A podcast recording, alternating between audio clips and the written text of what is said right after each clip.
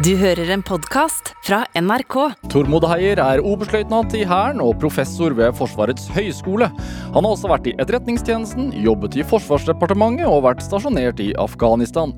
Men det er som akademiker Heier oftest ut uttaler seg i media, og der har han ikke vært redd for å kritisere Forsvaret og krigene vi har deltatt i.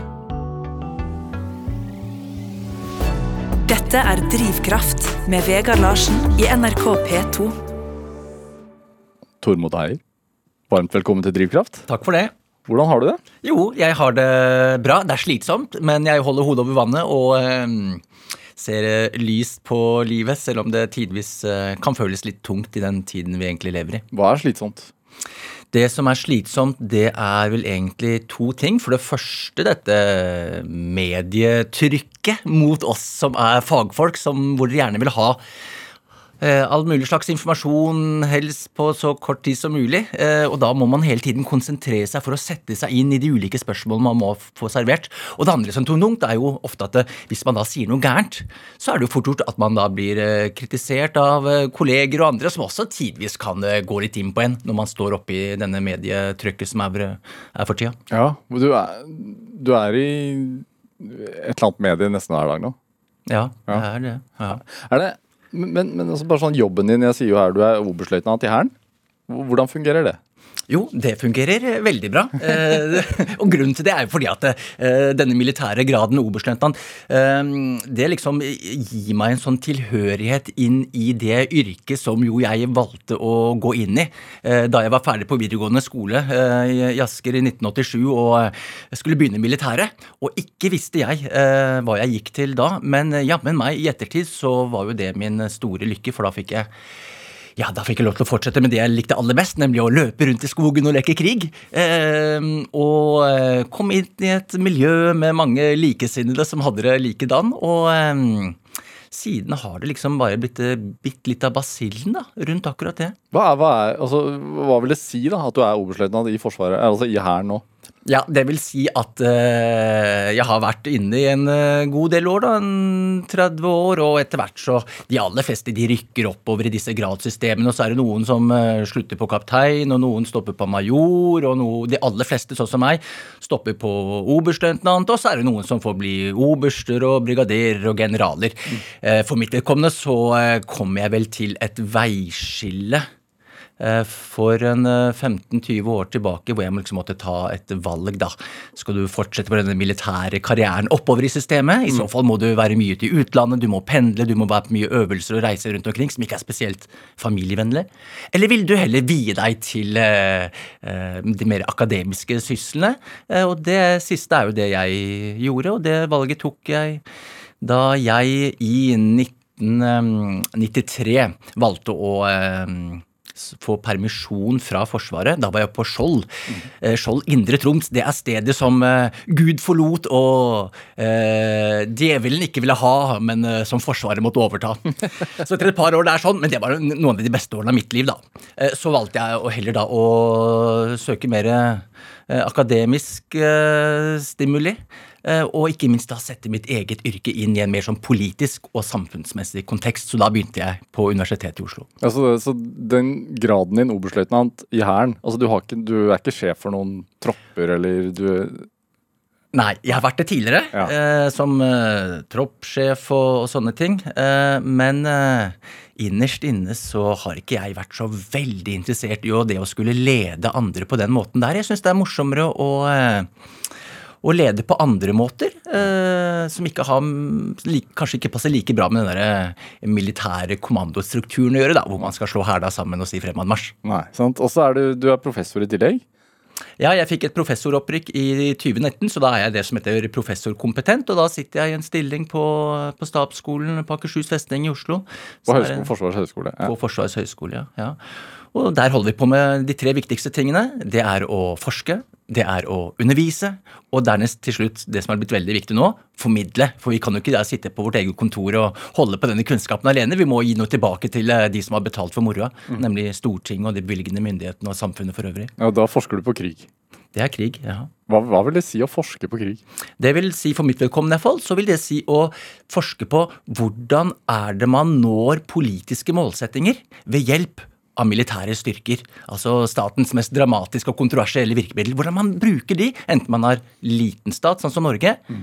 eller man har en stor stat, sånn som USA. Hvordan bruker man disse midlene, særlig da i kombinasjon med andre politiske virkemidler, eh, for å som sagt nå frem og sikre sine nasjonale interesser. Og da ser man på hyst historiske kriger, da, og hvordan det har blitt benyttet tidligere? Ja, ja. Eh, ofte så bruker man mye historie for å se mønstre, altså som avviker fra tidligere mønstre, for å se kontinuitet, men også endring. Men siden jeg er eh, statsviter, da, mm. eh, så er jeg også veldig glad i uh, ulike forklaringsmodeller. Eh, og noen ganger så slår de modellene bra til og har stor forklaringskraft. Andre ganger gjør de ikke det, og da eh, tar man feil. men er det, er det så, så, når du har forsket på dette, her, er det en Hvilken tidligere krig er mest interessant? Nei, jeg syns jo, etter å ha fulgt Afghanistan-krigen i mange år, mm. så syns jeg jo den uh, var veldig interessant. For det er så fascinerende å se hvordan verdens uh, mektigste land, USA, som står for 40% av verdens samlede militære utgifter, gikk inn der 7.10.2001 for å prøve å, å, slå Taliban. Og det klarte de langt på vei uh, rundt juletider i, i, 2001. Og Taliban tilbød fredsforhandlinger og kanskje noen kompromisser. Men da var amerikanerne sikre på at de skulle vinne, så de bare fortsatte krigen. Og etter 20 år så tror jeg de nesten angrer på det. Så Det, det jeg synes er fascinerende, er hvordan disse stormaktene kommer inn i et av verdens fattigste land og vinner militært, men de klarer ikke å omsette disse imponerende militære seierne til en form for politisk uttelling som gir mer stabilitet og økonomisk utvikling og fred for de som bor i dette området. Hvor, hvor vanlig er det? Ja, Det er ikke uvanlig. Det er det som er det verste. Det er rett og slett ikke uvanlig. Og det tror jeg også vi vil nå risikere å se i den pågående Ukraina-krigen, hvor russerne kommer inn, eh, får stor fremgang i starten, og så drar de seg sakte, men sikkert inn i en europeisk hengemyr som gjør at det er ja, mulig de vinner militært, men dette vinner de ikke politisk. Det føler jeg meg ganske trygg på. Dette er Drivkraft med Vegard Larsen i NRK P2. Og i dag er oberstløytnant i Hæren og professor ved Forsvarets høgskole Tormod Heier her hos meg i Drivkraft på NRK P2. Altså, I 2017 så mottok du Ossetskij-prisen. Eh, norske Pens pris for fremragende innsats for ytringsfriheten. Eh, og, og, du ble bl.a. av da, deres begrunnelse beskrevet som en motstrømstemme i, i et konsensuspreget akademisk miljø i Forsvaret. Ja. Hva mente de med det, tror du? Ja, hva mente de med det? Ja. Nei, de må vel mene at det tradisjonelt sett i norsk sikkerhets- og forsvarspolitikk har vært et kjennetegn, og det kjennetegnet har vel vært at det har vært ikke så veldig mange kritiske røster til den linjen som er lagt opp fra norske myndigheter, og at de forskningsinstitusjonene som får penger av myndighetene for å forske på disse tingene, de har vel kanskje ikke alltid stilt all verdens kritiske spørsmål ved den eh, strategien som norske myndigheter legger til grunn for å sikre nasjonale interesser mm. i nordområdene, i forhold til Russland, i forhold til USA eller i forhold til utenlandsoperasjoner, så kanskje er det det som er grunnen til at når jeg da eventuelt kommer med andre perspektiver og andre resonnementer, så kan jo det lett bli opplevd som litt utfordrende, fordi vi har jo en tradisjon i Norge. Og det er jo å ha en konsensusbasert politikk, og dermed også en kunnskapsutvikling på forskningsfronten som ikke nødvendigvis eh, tar de store oppgjørene med det rådende regimet, f.eks. Mm. Så man, man, og det, også det at du er en representant for Forsvaret, så skal man være i hvert fall være uniform, som det heter? Definitivt. Og det har nok vært en enda en sånn konfliktlinje som har lagt seg oppå denne opprørerrollen. da. At man i tillegg da er i uniform, ja. så er det jo veldig lett å bli eh, opplevd, oppfattet som eh, utrolig lite lojal til makta. Ja. Så der står jeg på mange måter i et dilemma hvor jeg på den ene siden se ut som jeg representerer Forsvaret og en militær etat som skal slå hæla sammen og si marsj fremad når eh, politikerne vil det, med en forventning om lojalitet. Samtidig som jeg også da ligger under et sånn universitets- og høyskolelov som er gitt av Stortinget, og vi skal ha frihet og uavhengighet i forhold til hva vi forsker på og hva vi, vi sier utad. Så i det, det er i det spennet det er sånn at jeg opererer, og det er, eh, det er vanskelig, og det er kontroversielt. Mm. Er du, er du, opptatt av å balansere det, eller er du opptatt av bare å si det du mener? Og, ja, og, det, du, og det du har kommet fram til? Ja, jeg er jo lojal til de tingene jeg kommer frem til i mine analyser. Så er jeg jo samtidig sånn at jeg eh, kanskje Jeg sier jo bare også det jeg mener. eh, Og så prøver vi da å utvikle teknikker blant forskerne som prøver å si det vi mener og det vi kommer frem til, det er iallfall mest mulig empirisk belagt, og at det er mest mulig balansert og objektivt. Så én ting er de tingene jeg skriver i, i bøkene mine, det syns jeg har fungert ganske bra. Men så er det når du da skal formidle dette ut i mediene, så ønsker man jo gjerne litt grann debatt for å få opp øya og kanskje provosere litt for å skape en meningsbrytning som ikke hadde klart hvis alt skulle være så balansert og objektivt som det er i bøkene. Og da vil det jo bli spisset. Og da vil man kanskje vektlegge ett perspektiv, som kanskje er det mest kontroversielle, og så toner man ned det mer eh, konvensjonelle perspektivet som alle stort sett er vant til å forholde seg til, og som kanskje ikke da skaper den samme bruduljen, da. Men hvorfor er det viktig med debatt? Og om f.eks. det norske forsvaret? Jo, fordi eh, det som det norske forsvaret holder på med, det angår jo oss alle. Det har jo med din og min sikkerhet å gjøre. Og eh, da er det jo viktig at vi eh, får frem kunnskap som er så nyansert og balansert som mulig. Og kanskje har det også sågar litt med tilliten til Forsvaret å gjøre. At det er de som forvalter dette statens mest dramatiske og kontroversielle virkemiddel, at de ser at det, blant de ansatte så er det også folk som at det er rom for annerledestenkende. At det er takhøyde. Og i det samfunnet vi lever i dag, så tror jeg sånne ting er helt avgjørende for å skape tillit. Og forankre Forsvaret i det samfunnet og blant de folka som jo man er ment å skulle tjene. Har du forandret synet på det norske forsvarets rolle i løpet av de siste elleve dagene? Eh, om jeg har forandret synet på um, forsvars... Nei, jeg har vel egentlig ikke det. Jeg har bare fått forsterket det synet jeg før hadde, om at eh, her er det viktig å gjøre to ting. Det er å støtte aktivt opp om det eh, verdi- og sikkerhetsfellesskapet som Norge er en del av i Nato, og bidra etter beste evne der Nato trenger det mest. Samtidig som vi også bidrar til å skape fred og ro og sikkerhet her hjemme i vårt eh, eget land, slik at noe vi eventuelt måtte gjøre i Forsvaret, ikke fremprovoserer unødige, unødige motreaksjoner fra russisk side oppe i, i Finnmarksområdet. Samtidig som at vi passer på at det, den der forsiktigheten overfor Russland, at ikke den oppfattes som noe svakhet, som da bare er invitasjon til russerne for å øve mer press på et forsvar som i utgangspunktet har mer enn nok med å holde hodet over vann, fordi de er såpass små som de er og ikke har all verdens militær kapasitet eh, i situasjoner som avviker fra en fredelig normaltilstand i nord. Hvordan vil du beskrive den spagaten vi står i? Ja, det er en spennende spagat, og den er vel kanskje den jeg er mest fascinert av. Hvor man på den ene siden skal eh, Og det har med, geografien vår, da, fordi vi ligger bare 40-120 km fra noen av verdens mest avanserte kjernefysiske styrker på russisk side, så blir vi på mange måter i en spagat hvor vi må prøve å berolige russerne mest mulig, slik at ikke vi gir dem noe påskudd for å øke beredskapen og aggressiviteten mot Norge. Men vi kan jo ikke bare gjøre det. Vi må også true de litt med pisken ved å vise at vi er en del av eh, Nato-alliansen med USA i sin midte, slik at vi utjevner den underlegenheten vi selv har i møte med Russland. Så i den balansen så har vi lange, gode tradisjoner egentlig for å prøve etter beste evne å være en eh, god nabo i øst, noe som ikke er spesielt lett i dag, samtidig som vi også er en god og nær alliert i vest. Ja, Og så befinner jo Europa seg plutselig i en krig da, som, som, vi, som virkelig ikke er en normaltilstand. Ikke i det hele tatt. Og i og med at vi da befinner oss da i denne krigen, så ser vi at denne balansen mellom beroligelse og avskrekking, mellom å være en god nabo i øst og en god alliert i vest, at det forskyves for småstaten tettere og tettere inn mot å være en god alliert i vest. Det er helt naturlig. Men om, la oss si om en sju, åtte, ni, ti år, da, hvis situasjonen har normalisert seg og det har blitt tilbake litt mer uh, fredelige tilstander, så vil vi se at handlingsrommet til Norge åpner seg og øker, og da kan vi se en gradvis forsiktig tilnærming hvor vi kanskje ønsker å øke mer av dialogen og samarbeidet og de beroligende tiltakene mot, mot russerne. Det er jo, så, Hvis jeg ikke forsto det feil, så har Danmark beslutta å heve forsvarsbudsjettet sitt. Dagens Næringsliv blant annet skrev på lederplass i helga at de oppfordrer til militær opprustning i Norge. Hva tenker du? Jo, jeg tror det er veldig smart.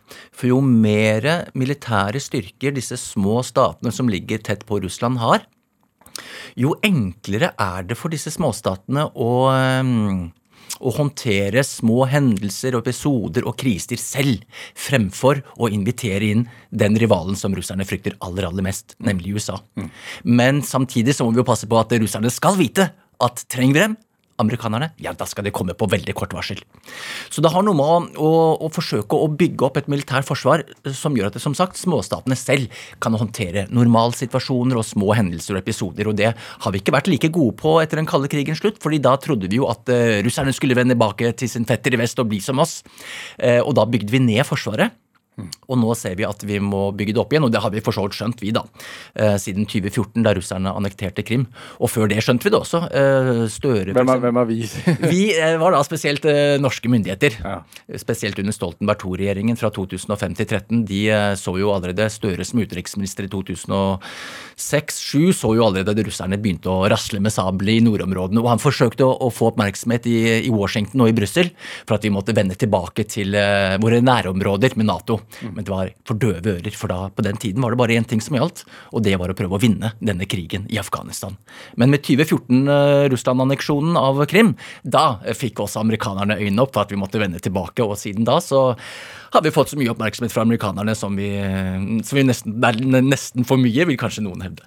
Er det når man har den stillingen du har, så må man jo hele tiden tenke fremover. Altså prøve å bruke historien til å analysere mulige scenarioer og sånne ting. Det er, det er riktig? Ja, ja, det er uh, riktig, det. Du, nikker, det kan man ikke gjøre på radio. men, men uh, du tok jo feil. Ja, eh, når det gjaldt eh, spådommen om eh, Putin ville gå til krig mot Ukraina eller ikke, så tok jeg feil. For jeg trodde at han ville ha disse veldig stridsklare styrkene sine for å fremtvinge en løsning på Ukraina. Så det jeg kanskje tok feil på, var at Zelenskyj, den ukrainske presidenten, han sto jo med en mye sterkere rak rygg og sa nei, vi lar oss ikke presse. Selv ikke etter at Putin gikk inn i de to uh, østukrainske nyopprettede republikkene hvor som hadde bedt om russiske fredsstyrker. Ja. Selv da så sto uh, den ukrainske presidenten med rak rygg og sa at vi bøyer oss ikke. Og da gikk han jammen meg til angrep med de utrolige kostnadene som det nå vil ha. Dels for Ukraina, selvfølgelig, men ikke minst for Putin og Russland selv. Tror du han var forberedt på det? Tror du han tenkte at han kom til å Jeg tror jo det, da. At uh, alle statsledere som uh, ønsker å underlegge seg et annet land, vil forsøke å gjøre det med minst mulig tap av egne styrker. Så jeg tror han vil forsøke å presse så mye som mulig for å prøve å fremtvinge en løsning hvor Ukraina forble et lydrike under det russiske store riket. Eh, men eh, der eh, Det ville ikke Zelenskyj gå med på, og da ble det i stedet en krig, en krig som var mye større enn det jeg tror de aller fleste av oss så for seg. Mm. Det er jo øh, man, man, leser jo om, om, krigen hver dag nå, og, de, og, og, blant annet så kan man lese Det er vel ikke øh, Man kan lese at Russland har gått på overraskende store tap. Um, men man vet jo ikke hvor, hvor, mye sannhet som ligger i de tallene som, som presenteres, i hvert fall på internettet. Hva, hva, hvilke tall sitter du med? Nei, jeg sitter ikke med andre tall enn de som eh, florerer ute i mediene. Men jeg tror nok at tapene er eh, betydelig større enn det russerne selv selvfølgelig har innrømmet. For det vil jo virke veldig drepende på deres egen moral hos soldatene hvis de får vite hvor mange som egentlig har blitt drept. Og så skal man alltid altså da ta tallene fra ukrainsk side også med en liten klype salt. Ja. Kanskje ligger et eller annet sted midt imellom, eller kanskje litt nærmere de ukrainske tallene, tenker jeg da. Men uansett så er dette altså eh, et omfang på russiske kostnader som langt overgår det Putin og de militære hadde forberedt seg på på forhånd. fordi ut ifra de styrkene de hadde, så tror jeg nok de først og fremst ønsket en rask seier, et, en rask regimeendring. Og så trodde de antagelig da i sin naivitet at de 250 000 ukrainske soldatene under det nye eventuelle russiskvennlige regimet bare skulle eh, følge lojalt opp om det regimet, mm. også med sine 43 millioner immigre, Det tror jeg ikke noe på. Så um, dette kommer til å uh, trekke ut i langdrag, og kanskje vil vi se konturene av et slags europeisk Afghanistan. Mm. Og for hver dag og hver uke som går, så vil vi se at maktbalansen vil tippe i favør av den underlegne parten, nemlig Ukraina. Hvorfor det?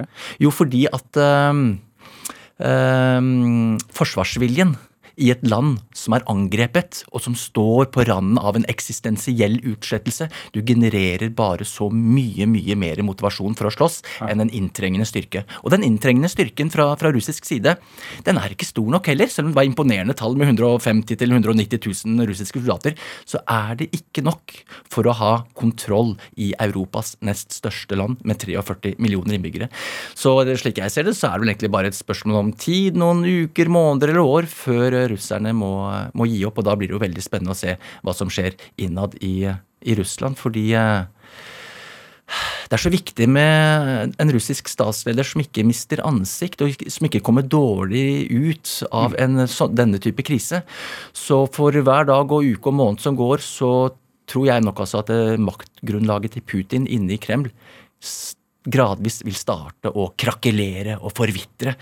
Og da er vi inne i et helt annet scenario hvor verdens største land kan risikere kanskje gå i oppløsning, bli delt, eller få et nytt regime. Mm. som da også har forhåpentligvis kontroll på noen av verdens mest avanserte kjernefysiske styrker.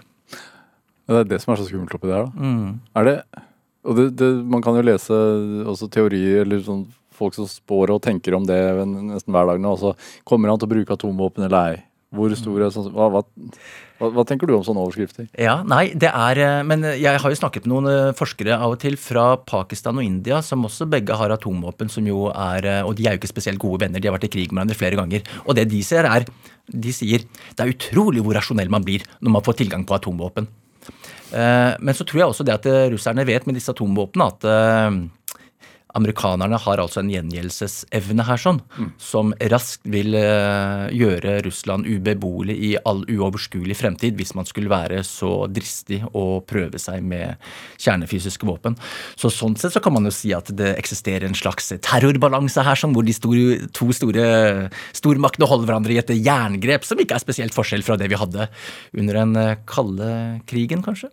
Hva, hva men altså Altså Som vanlig borger eh, så har jeg liksom tenkt at krig i Europa så nære, det kommer ikke til å skje. Mm. Ja. Har jeg vært naiv? Ja, i så fall uh, har du godt selskap med meg og veldig mange andre også, som uh, trodde det at det For det er noe av den liberale ideologien som har ligget til grunn for vestlig tenkning, det har vært at det, jo mer vi samarbeider, og jo mer vi får til flyt av mennesker og varer og handel og kapital på tvers av, av landegrensene, jo mer gjensidig avhengig vil vi bli av hverandre. Og da vil det bli enda vanskeligere å gå til krig. Og kanskje har vi etter den kalde krigen slutt trodd at vi har gått inn i en periode hvor eh, dette med bruk av makt og deling av Europa i eksklusive innflytelsessfærer har vært noe usivilisert og noe som hørte fortiden til, og noe ikke vil vende tilbake til. Men de russiske angrepene både i Georgia i 2008, Krim-anneksjonen i 2014 og eh, Ukraina-krigen nå viser jo at uh, militærmakt har ikke gått av moten, dessverre. Selv ikke i, uh, i Europa, og at dette er noe vi må eh, venne oss til. Det er ikke noe hyggelig, men vi har liksom ikke noe valg. Vi må bare forholde oss til det. Og spørsmålet er da hvordan ønsker vi å forholde oss til dette her sånn? Mye av tenkningen før denne krigen var jo at vi ønsket ikke å ta de russiske truslene på alvor. Og mange mente at det kunne vi heller ikke gjøre, for hvis vi imøtekommer hans uh, påtrykk, hvor han truer med militærmakt, så vil han bare ta mer og mer av uh, områdene utenfor sine egne grenser. Mm. Så kanskje var det smart å sette en rød strek i sanden og si at hit, men ikke lenger, sånn som Zelenskyj, den ukrainske presidenten, gjorde. Uh, men han må jo ha kommet i en veldig skvis, for ikke fikk han lov til å bli med i Nato når han, når han begynte å søke om det i 2008. Og eh, ikke fikk han lov til å inngå eh, forpliktende forsvarssamarbeidsavtaler med USA, hvor man kommer med forpliktende amerikanske sikkerhetsgarantier mot, eh, mot Ukraina.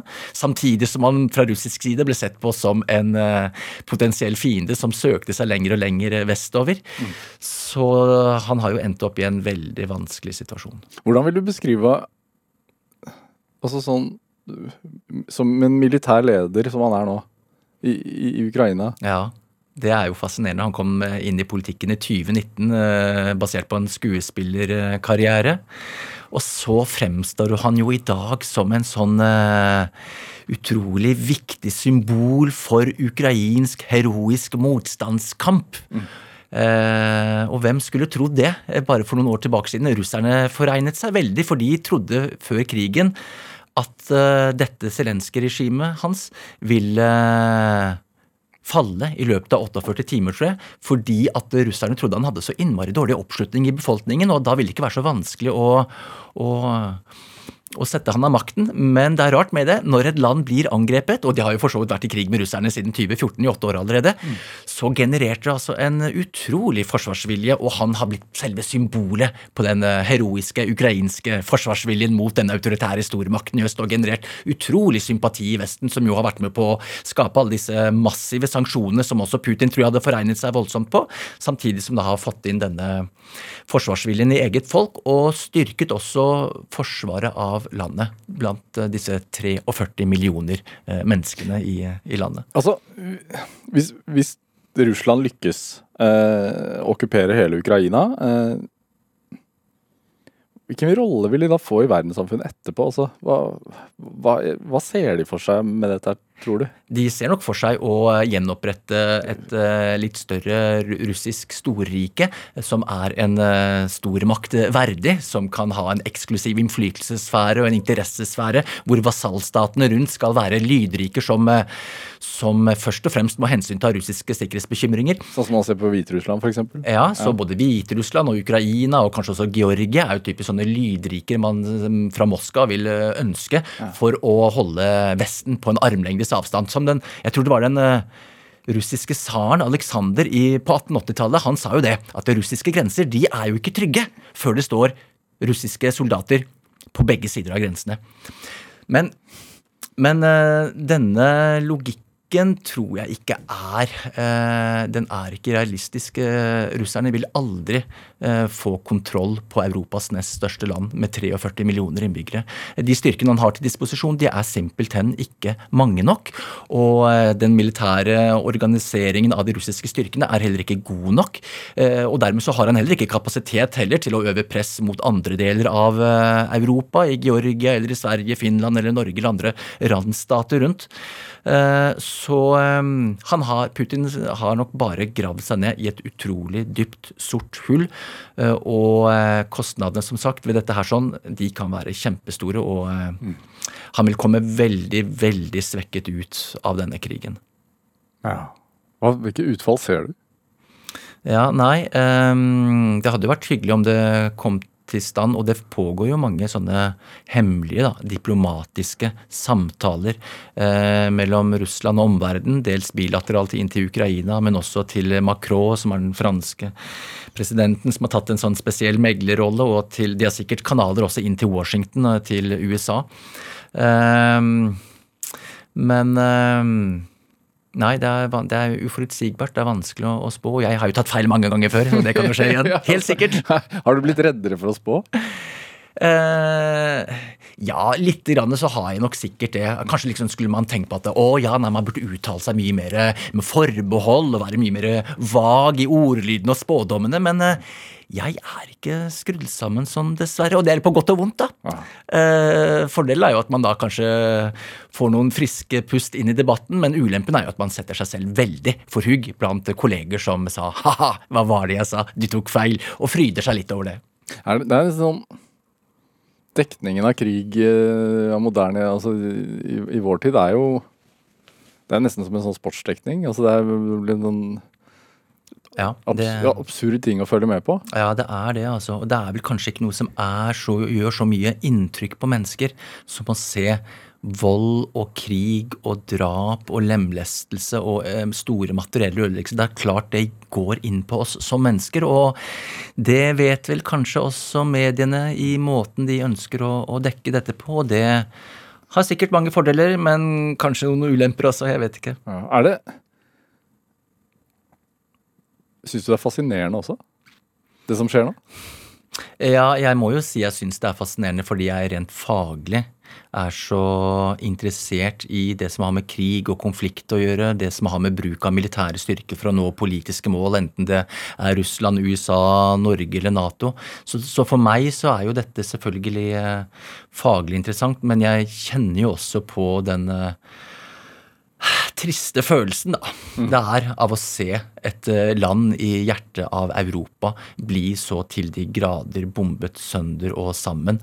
Når jeg kanskje tenker inni meg selv at uh, dette kunne vel vært unngått hvis vi hadde vært flinkere til å uh, ja, forstå hverandre. Se en sak fra to sider.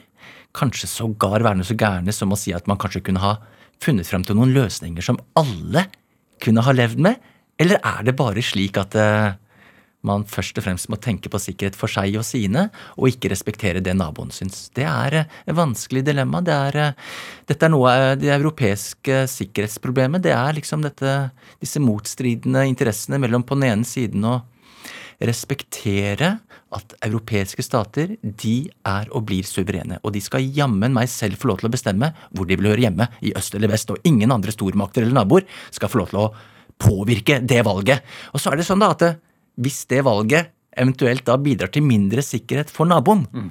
så vil jo det naturlig nok kanskje føre til motreaksjoner. Og så kan man velge da, vil man lytte til det og prøve å finne diplomatiske løsninger på sånne problemer, eller vil man ikke lytte til det og bare sette hardt mot hardt? Mm. Mm. Fordi du har jo vært og, gjort oss obs på det at Russland føler seg truet av, av Natos tilstedeværelse. Ja, det er et av de perspektivene jeg som jeg har uh, trukket frem. Og det er et perspektiv som vi bruker i vårt eget nærområde i Norge. Så uh, vil jo ikke vi ha amerikanere operere øst for 24. lengdegrad, f.eks. Altså mellom den linjen mellom Alta og uh, og Hammerfest. Vi vil ikke ha amerikanske styrker for nærme der. Vi vil f.eks. ikke ha norske fregatter integrert inn i det amerikanske rakettskjoldet, for det kan undergrave eh, den militære styrken til Nordflåten. Mm. Så, og Frankrike og Tyskland og Norge og andre siden 2008 vi har jo vært veldig skeptiske til å utvide Nato østover nettopp av frykt for å unngå en unødvendig russisk provokasjon. Eh, så, eh, men dette er jo perspektiver som eh, i dag settes i selvfølgelig et helt annet lys, og nå kan alle andre kanskje si at hva var det vi sa? Russland forstår bare ett språk, og det er at makt må møtes med motmakt. Og gjør du ikke det, så kan du fort bli presset fra skanse til skanse. Mm, hva, hva, tror, hva tror du Kina tenker? Ja, Kina stemte jo blankt i FNs sikkerhetsråd når de liksom skulle votere om det, man skulle gi russerne kritikk eller ikke. Og det å stemme blankt, det betyr at kineserne ønsker å opprettholde så mye handlefrihet som mulig. For hadde de kritisert russerne, så hadde de satt seg i en bås. Hadde de støttet russerne, så hadde de satt seg i en annen bås. Så ved å stemme blankt, så opprettholder du dette handlingsrommet til å kunne manøvrere. Så jeg tror at russerne, nei, jeg mener kineserne, holder seg nok nok litt for nesa, samtidig som de implisitt har en god del forståelse for de russiske sikkerhetsbekymringene. Men jeg tror ikke kineserne er spesielt happy for at uh, man gikk inn i Ukraina og lagde denne voldsomme ustabiliteten i internasjonal politikk, for det er ikke Kina i, uh, i kinesiske interesser i det hele tatt. På grunn av handel? Pga. handel. Så kineserne, kineserne, har en mye mer subtil måte å nå frem på med sine makt enn det kanskje russere og vestlige i USA og Nato har, da, som er litt kanskje gladere i de militære styrkene sine. Tormod Heider, vi skal spille litt musikk. Uh, du har med en minor majority-låt. The Fog Has Lifted. Hvorfor det?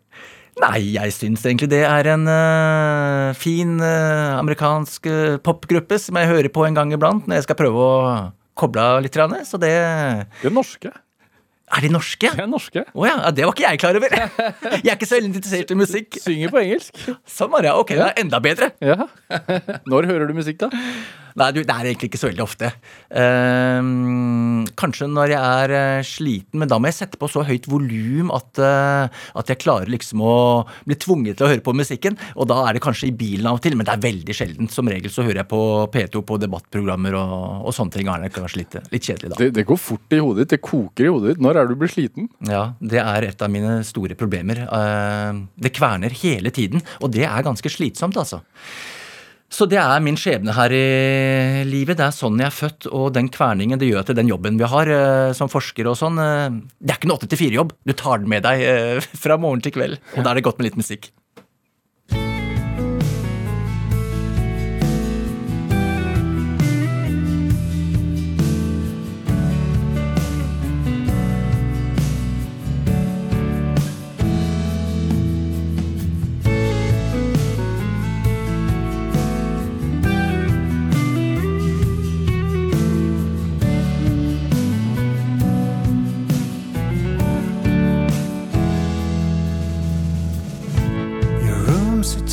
Or where nothing ever changes. I have this urge to move things around. I leave your windows open and pretend the fog is lifted. Cause last night I tore your posters down. You gotta let them go. Stars, there's nothing there behind their camouflage. They're all grown up now, just like you, out looking for jobs that they can hold on to. I met your friend, recall his name. He wears a trench coat. Still got that diamond in his ear.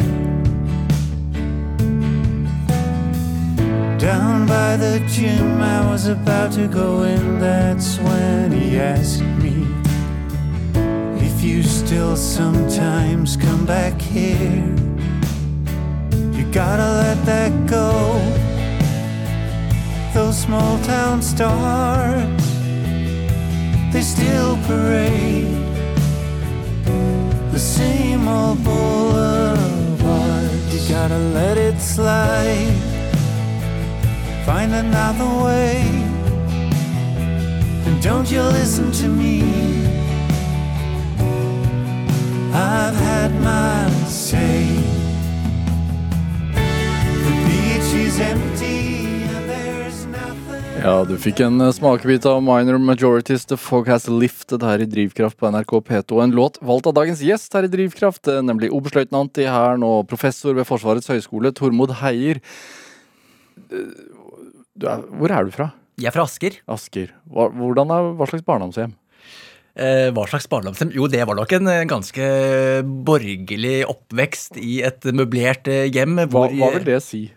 Det vil si et eh, hjem hvor eh, mor og far hadde utdanning. Eh, Mamma var, var bibliotekar, og min far var ingeniør. Og det var strenge forventninger om at vi skulle gjøre lekser og gjøre det bra på skolen, men ikke så strengt at det ikke var sånn der, det var ikke noen kadaverdisiplin. Og så var det livlige diskusjoner og mye lesing på kveldene hvor mamma og pappa satt ved sengen og leste godnatta-eventyr og, og sang noen julesanger, slik at vi skulle sovne inn med fred og ro i sjelen. Disiplin i hjemmet?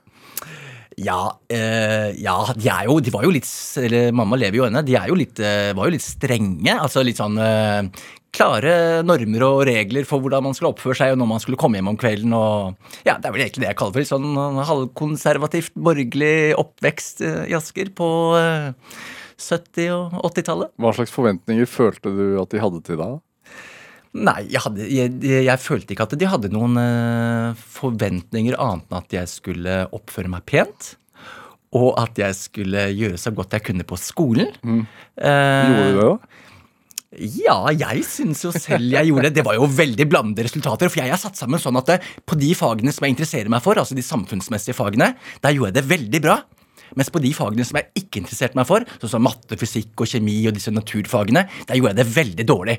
Så jeg er veldig sånn splitta person, da.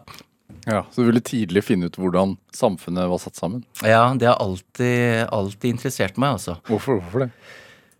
Jeg vet ikke, jeg tror bare jeg er født sånn, med en sånn derre nysgjerrighet og en undring om ø, over hvorfor ø, Hvorfor ø, samfunnet er som det er, hvorfor ø, vi har militær, og hvordan staten er bygd opp, og ja, nei, det har bare vært en fascinasjon. Jeg har alltid vært interessert i samfunnsfag, kristendom, som det het på den tiden, og eh, historiefag og geografi og sånne ting. Eh, uten at jeg har vært så veldig interessert i å reise av den grunn, men eh, ja, nei, samfunnsfag generelt. Var du et energisk barn også? Ja, Sånn, er, sånn som du er i dag? Ja, Ja. jeg men jeg, det er, man må jo bare være seg selv. Og Ja. jeg er født på denne måten, og det er det noen som liker, og andre liker det sikkert ikke. Og det lever jeg godt med, for vi er forskjellige. Og jeg er født med mye energi, og det uh, har jo sine fordeler, og kanskje sine ulemper også. Hvordan, hva, hvilke ulemper? Nei, det kan jo være at eh, at det kan bli uh, too much av og til uh, av meg. Uh, kanskje burde jeg vært flinkere til å si nei når jeg blir spurt om ting i, i mediene, eller ting jeg skulle skrevet og sånne ting. Eh, men jeg er jo også et ja-menneske, da. Og jo eldre jeg blir, jo mer meningsfullt blir det å si ja når folk spør. Og særlig de som er yngre enn meg. Når det gjelder å bli veiledet på en eller annen master- eller doktorgradsavhandling, eller eh, få hjelp til en oppgave eller en artikkel, eller Det er så koselig, det er så hyggelig, det virker så meningsfullt. Og kanskje det har jeg vært sånn alltid, for jeg jobbet jo også eh, på sånn alders- og pleiehjem i Asker når jeg var i ungdommen, og jeg syns jo det var utrolig givende å sitte der sammen med de gamle menneskene eh, og, eh, ja, og være sammen med de og høre på hva de sa. Jeg var veldig nysgjerrig på hva de snakket om fra sin barndom, for det liksom, var så fjernt unna. Men det blir jo så autentisk og ekte når det er de selv som sier det. Og sånn sett har jeg også hatt veldig glede av de fire besteforeldrene hadde, som jeg har bodd eh, tett med i, i flere år. Hva var, hva var tanken om å holde på med når du ble voksen? da? Hva mener du med det? At Nei, Så hadde du en, en annen drøm enn å havne i Forsvaret, holdt jeg på å si. Ja, Nei, jeg hadde vel egentlig ikke det. Eh, Pappa sa at eh, kanskje du skulle søke befalsskolen da når du er ferdig med videregående. Og så gjorde jeg det. så ja. gjorde som far sa. Jeg gjorde litt som far sa, ja. ja. Jeg gjorde rett og slett det. Ja. Eh, og, men det var jo fordi det også var lystbetont. Og da jeg kom inn der, som sagt, så, eh, så følte jeg at jeg var kommet hjem. Ja, var det da du var på Skjold? Ja, etter hvert så, eh, så endte jeg opp på Skjold. På- I starten var det på Trandum, det som i dag er et asylmottak. Ja. Da gikk jeg på befalsskolen for kavaleriet, og, men det var først i året etterpå, når befalsskoleåret var ferdig og vi skulle ut i den og møte soldatene våre i den virkelige verden, oppe i Nord-Norge, i Brigade Nord på Setermoen, i Panserbataljonen. Eh, Det var da jeg skjønte at jeg hadde levd i en boble i et borgerlig hjem i Asker i 18-19-20 år. For det var en bratt læringskurve. Hvordan? Fortell. Nei, det var jo fordi at det, eh, det var jo da jeg så det representative utvalget av den norske befolkningen. Altså gutter eh, på min egen alder som Hvordan- hadde en kan helt du- annen oppvekst. Kan du beskrive den representative, det representative utvalget av den norske befolkningen? Ja, det var en mye mer sammensatt gjeng. Eh, fra alle samfunnslag og fra alle bakgrunner. Og eh, noen var motiverte, og andre var veldig umotiverte. Og det de vel likte minst av alt, det var vel en sånn eplekjekk eh, ungjypling fra Asker som kom og fortalte dem hva de skulle gjøre. Som selv kanskje hadde veldig lite med militær erfaring selv.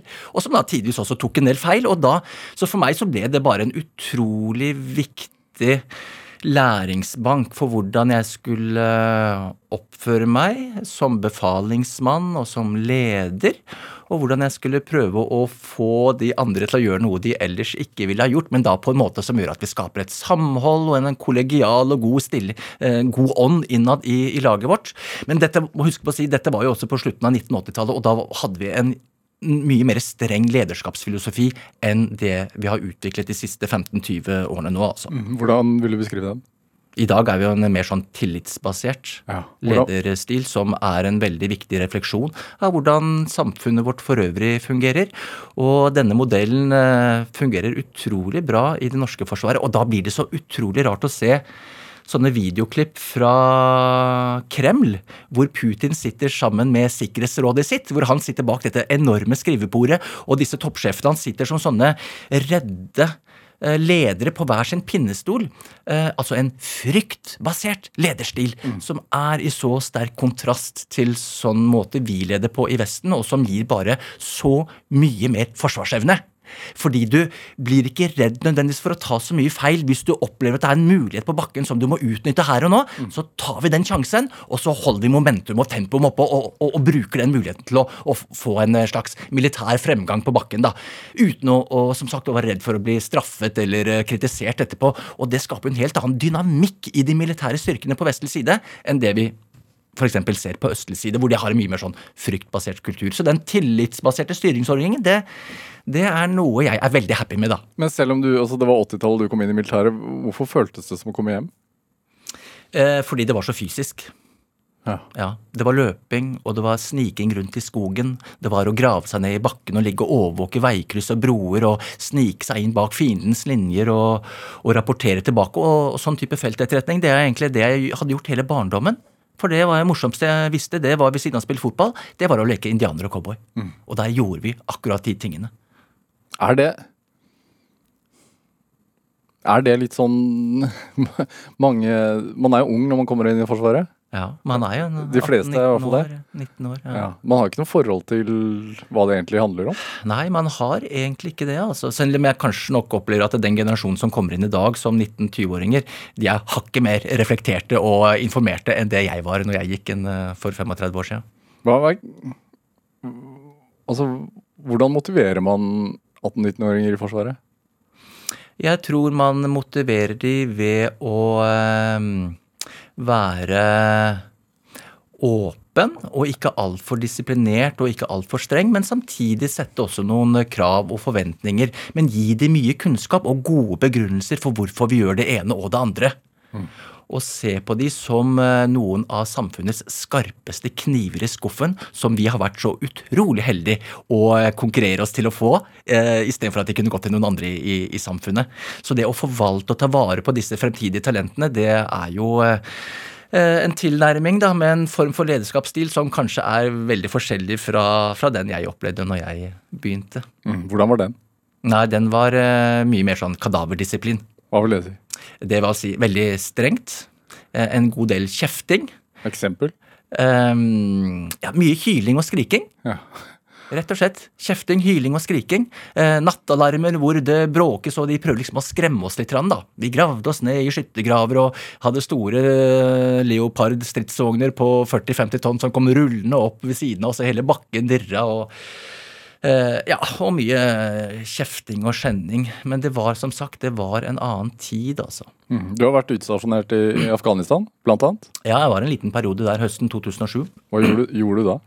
Da satt jeg i et uh, hovedkvarter i Mazar-e-Sharif, som liksom er en av de store byene i Nord-Afghanistan, under tysk ledelse i denne Nato-kommandokjeden. Og uh, der uh, hadde vi ansvar for å eh, passe på disse ulike PRT-ene, altså de ulike eh, små militære styrkene fra de ulike Nato-landene, først og fremst fra Tyskland og Latvia og Norge, som opererte rundt i Nord-Afghanistan og viste synlighet og tilstedeværelse i de små lokalsamfunnene på vegne av eh, de afghanske myndighetene.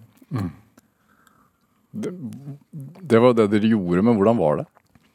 Nei, det var eh, interessant. Jeg fikk jo ikke være så mye ute i krigen i felt, så jeg satt jo trygt basert bak sandsekker og piggtråder inni, eh, inni en militærleir som var eh, ganske isolert fra det afghanske sivilsamfunnet.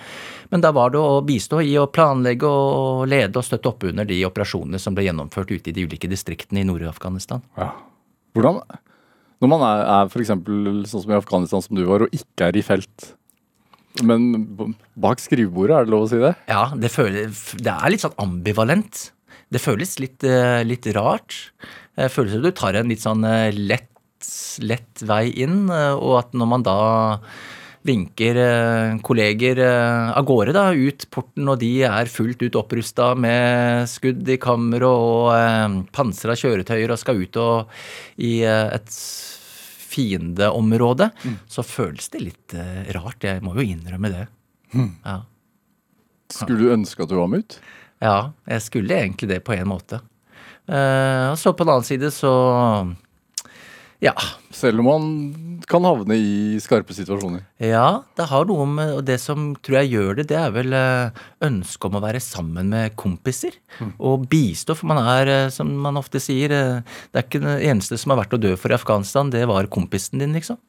Og det derre brotherhood, det derre brorskapet, dette tette kameratsfellesskapet, det er så sterkt, og det sitter i så mange år etterpå. og jeg tror kanskje ikke det er så veldig mange andre sektorer i samfunnet eller funksjoner i samfunnet hvor man får oppleve denne sterke sosiale tilhørigheten som kommer som følge av ekstreme fysiske og psykiske påkjenninger. Mm. Du, så det, er sånn, du, du sa at du likte godt å leke cowboy og indianer i skogen, og, og når man er i militæret for førstegangstjeneste f.eks., så, så, så leker man jo en del krig. Hvordan, altså når, Men når man blir sendt ut f.eks. til Afghanistan på skarpe oppdrag, og, kan man se det på, på, de som tjenestegjør, at de, plutselig så leker de ikke lenger? Ja, man ser det på ansiktsuttrykkene. Eh, Men da blir man også samtidig veldig opptatt av å drive mye trening og øving. For jo mer man trener og jo mer man øver, jo bedre forberedt er man før man skal ut eventuelt og møte fienden. Og de forberedelsene de gjør at det senker seg en egen sånn ro og trygghet, selvtillit inn i seg selv, men, og den sprer seg til hele laget og hele troppen. Og det, det er vel det som på mange måter er selve gullet. da. At man, når man da kommer ut, så føler man at dette har vi vært med på før, og dette vil vi håndtere. Du får en helt annen ro og trygghet, og den er bare helt avgjørende når man settes under press. Hva sier man da? Hva man sier, hva mener du da? Før, før man går på, til de som skal ut på oppdrag? Nei, man eh, er eh, Ja, noen ville kanskje prøve å tø opp eh, stemningen litt ved å være litt humoristisk og smile litt og, og spøke. Samtidig som man også får frem alvoret, og at alle er konsentrerte. Alle er fokuserte, og alle er godt forberedte. Slik at man da har best mulig forutsetning for å kunne løse oppdraget, og ikke minst ta godt vare på sine kvinner og menn som man tar med ut. Er det den psykiske påkjenningen, blir den værende? Ja, jeg har ikke kjent så mye til dette, for jeg har jo ikke vært så mye i disse stridshandlingene som uh, kollegene mine har vært de siste 20 årene. Uh, men det er klart den blir værende, og det er jo derfor vi også har vært uh, flinke nå de senere årene i hvert fall, til å få opp et sånt veteransystem hvor vi tar vare på de som kommer hjem. For de som kommer hjem fra disse stridshandlingene, de har ikke så veldig mange å snakke med hjemme i Norge. I et av verdens rikeste og mest velfungerende samfunn så er det vanskelig å finne noen som forstår det. For det er for ekstremt. Og da blir jo nettopp disse nettverkene av eh, veterankolleger det er jo de som har vært i det selv, og som opplever det selv, som kanskje det er lettest å, å snakke med om disse tingene. Som kan sette seg inn i hvordan det virkelig var. Men for oss andre som lever en dyp fred her i, oppe i utkanten av Europa, så kan det fort bli litt fjernt, altså. Er det, i forhold til det som skjer nå, er du, er du engstelig selv? Nei, jeg er nok ikke det. Jeg er ikke det. Eh, Det kan godt være at jeg bare er anlagt sånn, at jeg er ikke en som går rundt og bekymrer meg, for jeg vet jo mange andre er bekymret. Eh, Så det kan dels skyldes at jeg jeg er bare satt sammen sånn som jeg er, at jeg ikke går rundt og bekymrer meg. Men jeg har jo også en tro på at eh, det ikke vil bli noen eskalering av denne krigen i Ukraina, at den ikke vil spre seg videre, og at dette med atomvåpen ikke vil vil ta i bruk. Jeg har liksom ikke noe tro på det, og da eh, blir jeg nok heller bare mer bekymret for alle de humanitære og menneskelige lidelsene i dette Europas nest største land som bare blir bombet sønder og sammen. Det er det som jeg syns er ja, trist. Tormod Eiler, jeg veit at du Altså, jeg hører jo energi, energien din. Du har voldsomt med energi. Eh, du, driver og løper masse maraton og sånn. Er det, er det mer en terapi, eller bare for å få ut energi, eller er det for å, for å bryte barrierer?